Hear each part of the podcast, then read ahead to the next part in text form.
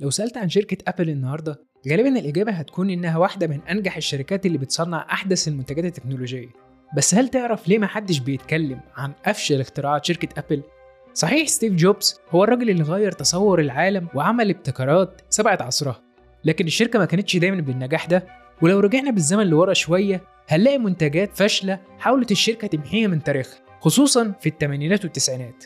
كوباية القهوة بتاعتك والورقة والقلم وخليك معايا. وخليني النهاردة أحكي لك عن أفشل منتجات أبل على مدار تاريخها. يلا بينا ندخل في التفاصيل على طول. أنا أحمد طه وأنت بتسمع الخلاصة.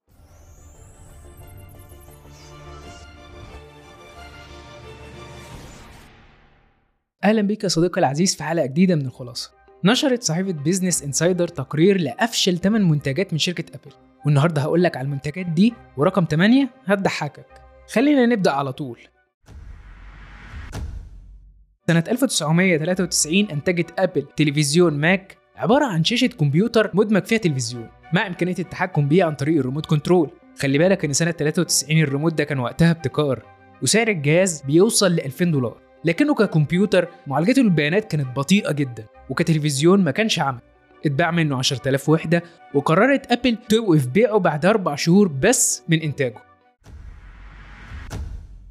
أطلقت أبل جهاز أبل 3 تالت جهاز تنتجه الشركة سنة 1980 الجهاز اتصمم من غير مروحة أو فتحات تهوية خالص. وطبعا فشل الجهاز واضطرت أبل لاسترجاع 14 ألف جهاز ووقف بيعه بعد إصداره بأربع سنين.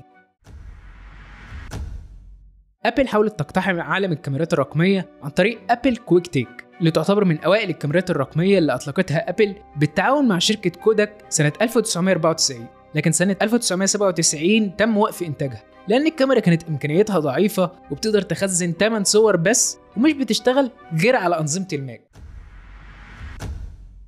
كتير من متابعين أبل ما يعرفوش إنها أطلقت منصة ألعاب أبل Pippin بالتعاون مع شركة بانداي اليابانية سنة 1995 وده عشان تنافس شركة نينتندو اللي كانت بتسيطر على السوق في الوقت ده دي كانت تعتبر أول محاولة لتصميم وحدة تجمع منصة ألعاب والاتصال بالإنترنت. يعني كان ممكن تلعب وتتكلم مع اللاعبين التانيين في نفس الوقت. اتباع منها 42 ألف وحدة قبل ما يتم وقف تصنيعها بعد سنتين من إنتاجها. لأنها ما كانتش قادرة على منافسة منتجات الشركات التانية زي سوني اللي أصدرت في نفس السنة بلاي ستيشن 1 غير أجهزة سيجا ونينتندو اللي كان ليها شعبية كبيرة وقتها. حتى المودم الموجود جوه الجهاز كان بطيء جدا في الإرسال والاستقبال فالرسالة الواحدة كانت بتحتاج 10 دقايق عشان تتبعت وتوصل. أصدرت أبل mouse Hockey Puck لأول مرة مع أجهزة Bondi Blue iMac G3 سنة 98 مع إمكانية توصيلها بالكمبيوتر عن طريق ال USB للمرة الأولى لكن الحقيقة تصميمها كان مزعج جدا لأن الماوس كان دائري بلون أزرق شفاف كنوع من المحاكاة لجهاز ال iMac. كان صغير جدا ومش مريح غير وجود زرار واحد بس والكابل بتاعه كان قصير جدا. استمر إنتاجه لمدة سنتين وفي سنة 2000 وقفت أبل إنتاجه تماما. سنة 1989 قدمت أبل أول لابتوب في العالم مع بطارية مدمجة في جهاز Macintosh Portable بسعر 7300 دولار ووزن يوصل ل 7.5 كيلو. السعر المبالغ في الجهاز وعمر البطارية القصير وأداؤه الضعيف كان سبب في فشل الجهاز. واضطرت الشركة تعدل فيه وتطلق سنة 1991 جهاز ال PowerBook اللي يعتبر النواة لتصميم اللابتوبات بشكلها الحالي.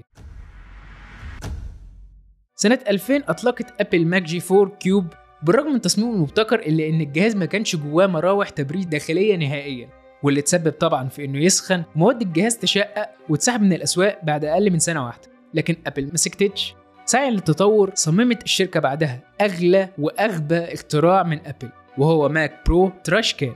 آه والله ده بجد. أبل عملت لك جهاز Mac Pro على شكل سلة زبالة وعشان يبقى تصميمه مميز ومختلف صمموا الجهاز بمروحة واحدة بس جوه الجهاز كله. أساسا معظم الأجهزة اللي عندنا بيتركب لها أكتر من مروحة عشان تحقق التهوية اللازمة لكل component.